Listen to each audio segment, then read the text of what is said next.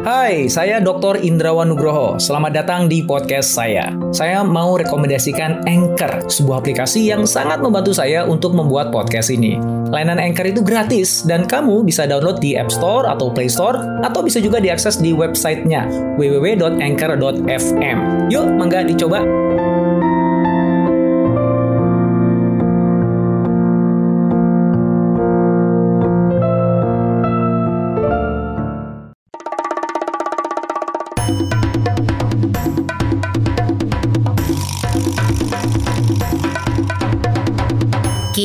Podcast Network. Sejak didirikan lebih dari 130 tahun yang lalu, Nintendo, perusahaan game terkemuka asal Jepang, mengalami jatuh bangun. Dua kali Nintendo berada pada titik nadirnya. Dan dua kali pula muncul pahlawan yang menyelamatkan perusahaan. Pahlawan yang muncul dari tempat yang tidak terduga. Seorang petugas kebersihan dan seorang karyawan magang. Dari dua orang ini lahir Game Boy, Donkey Kong, Mario Brothers, dan Legend of Zelda. Ini adalah kisah tentang inovasi yang bisa muncul dari siapa saja. Ini bisa jadi kisah Anda nanti.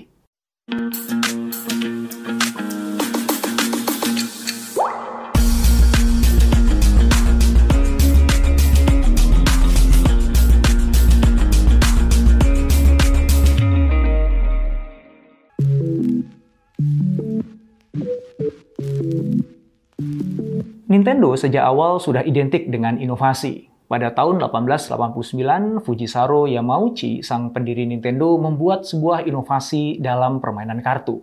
Kartu remi yang kita kenal saat ini masuk ke negara Jepang sejak abad ke-16 dan identik digunakan sebagai permainan untuk berjudi.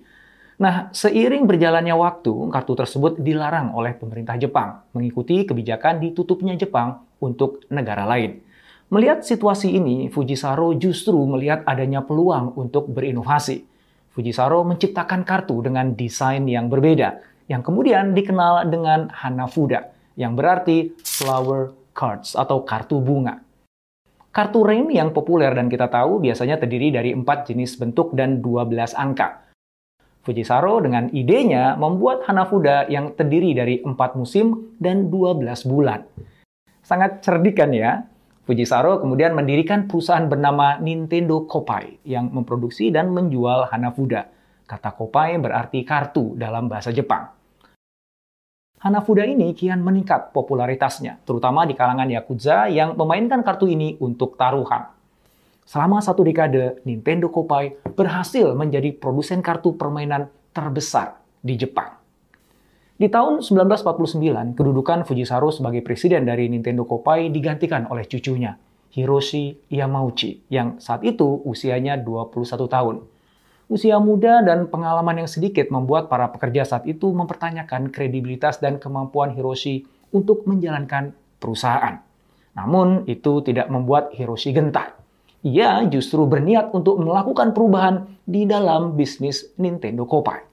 Nintendo menjadi perusahaan pertama di Jepang yang membuat kartu berlapis plastik dan bekerjasama dengan Walt Disney dengan menampilkan gambar karakter Disney pada kartu-kartunya. Inovasi ini cukup efektif untuk menghalau persaingan dengan produk impor. Di saat yang sama, Nintendo dapat meraih pasar yang lebih luas, seperti ke anak-anak muda dan juga keluarga. Walaupun begitu, Hiroshi sadar bahwa ruang pengembangan dalam bisnis kartu ini terbatas. Maka Hiroshi memutuskan untuk mengubah nama perusahaan dari Nintendo Kopai menjadi Nintendo saja, agar bisnis perusahaan tidak terbatas hanya ke permainan kartu saja. Dengan perubahan itu, Nintendo kemudian meluncurkan beberapa produk seperti beras instan, perusahaan taksi, dan juga Love Hotel. Keputusan diversifikasi bisnis itu memang membuahkan penghasilan bagi Nintendo. Tapi ternyata nggak membuat Nintendo sukses. Karena terbebani biaya dan hutang yang banyak untuk pengembangan usaha baru tadi. Akhirnya Hiroshi memilih untuk menghentikan strategi diversifikasi itu dan kembali menjual Hanafuda dengan memperluas jalur distribusinya menggunakan department store dan toko mainan yang pada saat itu sedang berkembang pesat di Jepang. Sadar bahwa ia tidak bisa terus-menerus menggantungkan perusahaannya pada bisnis kartu, maka Hiroshi berupaya untuk mencari inovasi-inovasi baru. Dan untuk itu, ia mempekerjakan banyak sekali lulusan universitas teratas di Jepang.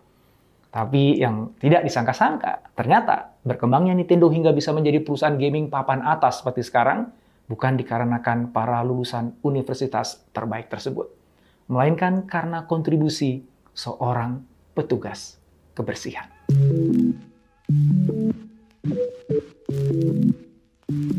Di tahun 1965, Gunpei Yokoi, seorang mahasiswa electrical engineering di Universitas Doshisho, Jepang, pada saat itu sedang mencari pekerjaan sambil berjuang untuk bisa menyelesaikan gelarnya. Dan karena semua perusahaan yang ia lamar menolak dia, maka ia akhirnya memutuskan untuk mengambil pekerjaan sebagai petugas kebersihan di Nintendo, yang mana itu merupakan pilihan terakhirnya. Nah, tanpa diduga, ternyata pilihan terakhir itu justru menjadi pintu kesuksesan. Bukan hanya untuk dia, tapi juga untuk Nintendo. Suatu hari, di sela pekerjaannya, Gunpei iseng memotong potongan kayu, kemudian menyatukannya secara bersilangan. Dia kemudian menempelkan alat penjepit di ujungnya yang digunakannya untuk mengambil barang dari kejauhan. Ya, itu adalah cara dia untuk menghibur dirinya ya di saat senggang. Nah, suatu ketika, Hiroshi lewat dan melihat Gunpei sedang bermain dengan penemuannya itu. Hiroshi pun memanggil Gunpei ke kantornya. Gunpei takutnya bukan main. Aku pasti akan dimarahi habis-habisan, begitu pikir dia. Tapi ternyata, tidak disangka, Hiroshi justru meminta Gunpei untuk mengubah penemuannya itu menjadi mainan pertama dari Nintendo yang kemudian dinamakan Ultra Hand. Penemuan itu menjadi salah satu permulaan perubahan-perubahan besar berikutnya yang membuat Nintendo tumbuh berkembang. Penjualan Ultra Hand tembus hingga lebih dari 1 juta unit, membuat Gunpei dipercayai untuk membuat mainan lainnya seperti 10 Billion Barrel Puzzle, Shiritori, Ultra Machine, dan Love Tester. Hai, sebelum kita lanjut podcastnya, kamu sudah pernah dengar Anchor kan? Anchor adalah all-in-one podcast editing platform yang saya gunakan untuk rekaman, edit suara, tambah lagu, dan semua hal dalam pembuatan podcast yang sedang kamu dengerin ini.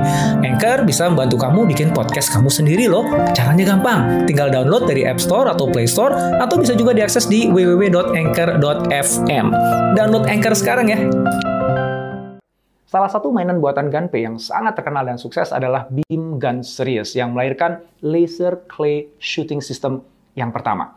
Gunpei membuat mainan sampai tahun 1974 ketika Nintendo memutuskan untuk membuat video game.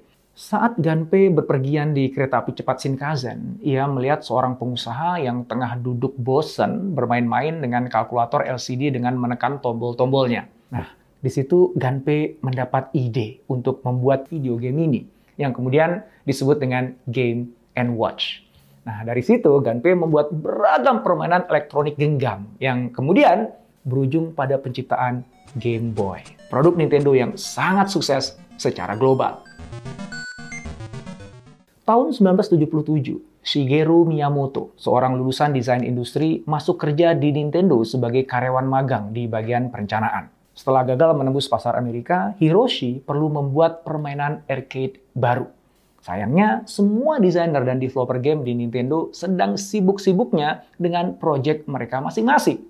Akhirnya, tugas itu jatuh ke Shigeru yang belum punya pengalaman membuat game sama sekali. Gunpei Yokoi diminta untuk membantu mensupervisi proyek pembuatan game baru tersebut. Walau tanpa pengalaman, Shigeru tertantang untuk mencoba. Shigeru sangat menyukai cerita. Ia pun punya ide untuk memasukkan unsur cerita ke dalam game. Menurut dia, cerita yang bagus akan memberikan kedalaman pada sebuah permainan dan mendorong pemain untuk terus memainkannya hingga ceritanya tuntas. Terinspirasi oleh cerita Beauty and the Beast dan King Kong, Shigeru menciptakan permainan Donkey Kong. Ketika tim Nintendo mendengar ide permainan itu, mereka langsung pesimis. Menurut mereka, Donkey Kong nggak akan sukses di pasar. Untungnya, Hiroshi punya pandangan yang berbeda. Hiroshi tetap meminta Shigeru untuk membuat game itu dengan segala risikonya dan merilis game itu di tahun 1981. Dan tanpa disangka, game itu ternyata menjadi permainan hit pertama yang dirilis oleh Nintendo dan menghasilkan jutaan dolar untuk perusahaan. Sejak saat itu, Shigeru terus berinovasi dengan memunculkan game-game yang mendominasi pasar seperti Mario Brothers dan The Legend of Zelda.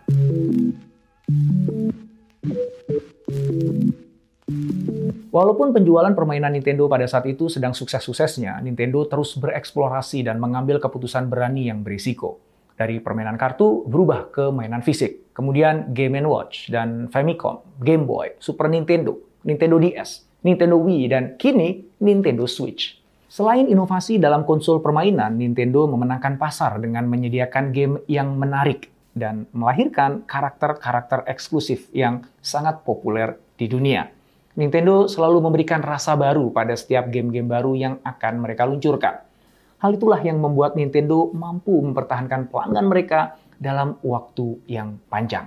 Di tahun 2021, Nintendo menguasai 29% market share. Nintendo memang bukan market leader di industrinya, namun perusahaan ini berhasil menjaga eksistensinya di dunia gaming di saat banyak perusahaan game yang pada saat itu bangkrut atau setidaknya mengalami penurunan.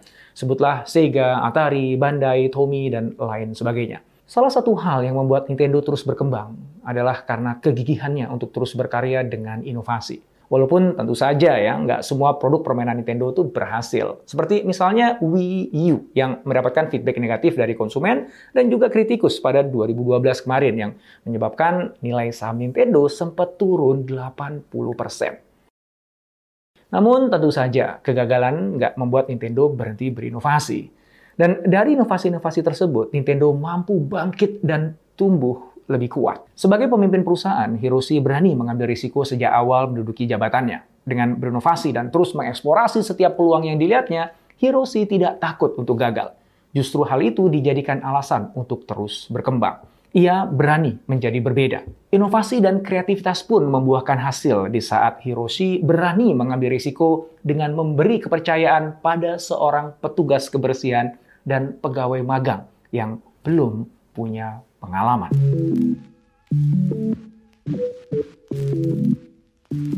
Belajar dari kisah perjalanan Nintendo yang panjang dan penuh dengan jatuh bangun dan inovasi ini, ada tiga pelajaran penting yang bisa kita ambil. Pertama, jangan cuma jadi penumpang. Jadilah kontributor di mana pun Anda berada, apa pun posisi atau jabatan Anda saat ini. Jangan Anda berkecil hati, sampaikan aja gagasan Anda, tunjukkan karya Anda. Anda nggak pernah tahu, bisa jadi gagasan dan karya Anda itu akan jadi game changer untuk perusahaan Anda. Kedua, jangan terpengaruh arah gerak pemain di industri cari cara-cara baru untuk menciptakan lompatan nilai bagi pelanggan. Gunpei menciptakan Game Boy terinspirasi dari orang yang dilihatnya di kereta api. Shigeru memasukkan unsur cerita ke dalam game. Kedua gagasan itu bukan pakem di industri pada saat itu. Keduanya ternyata mengubah industri game. Yang ketiga, jangan berhenti di gagasan. Kesungguhan dalam mewujudkan gagasan itu menjadi pembeda antara karyawan biasa dan karyawan luar biasa merealisasikan gagasan inovatif itu berat, memakan waktu dan energi yang banyak. Apalagi jika harus berurusan dengan tekanan eksternal dan juga orang-orang yang nggak suka dengan gagasan kita. Kisah Ganpei dan Shigeru membuktikan pada kita bahwa siapa saja, termasuk Anda, bisa menjadi inovator yang mentransformasi industri. Bahwa keajaiban kerap kali muncul dari tempat yang tidak terduga. Nah, sekarang giliran Anda. Ayo, Sampaikan gagasan Anda. Wujudkan inovasi Anda. Saatnya Anda menghadirkan keajaiban.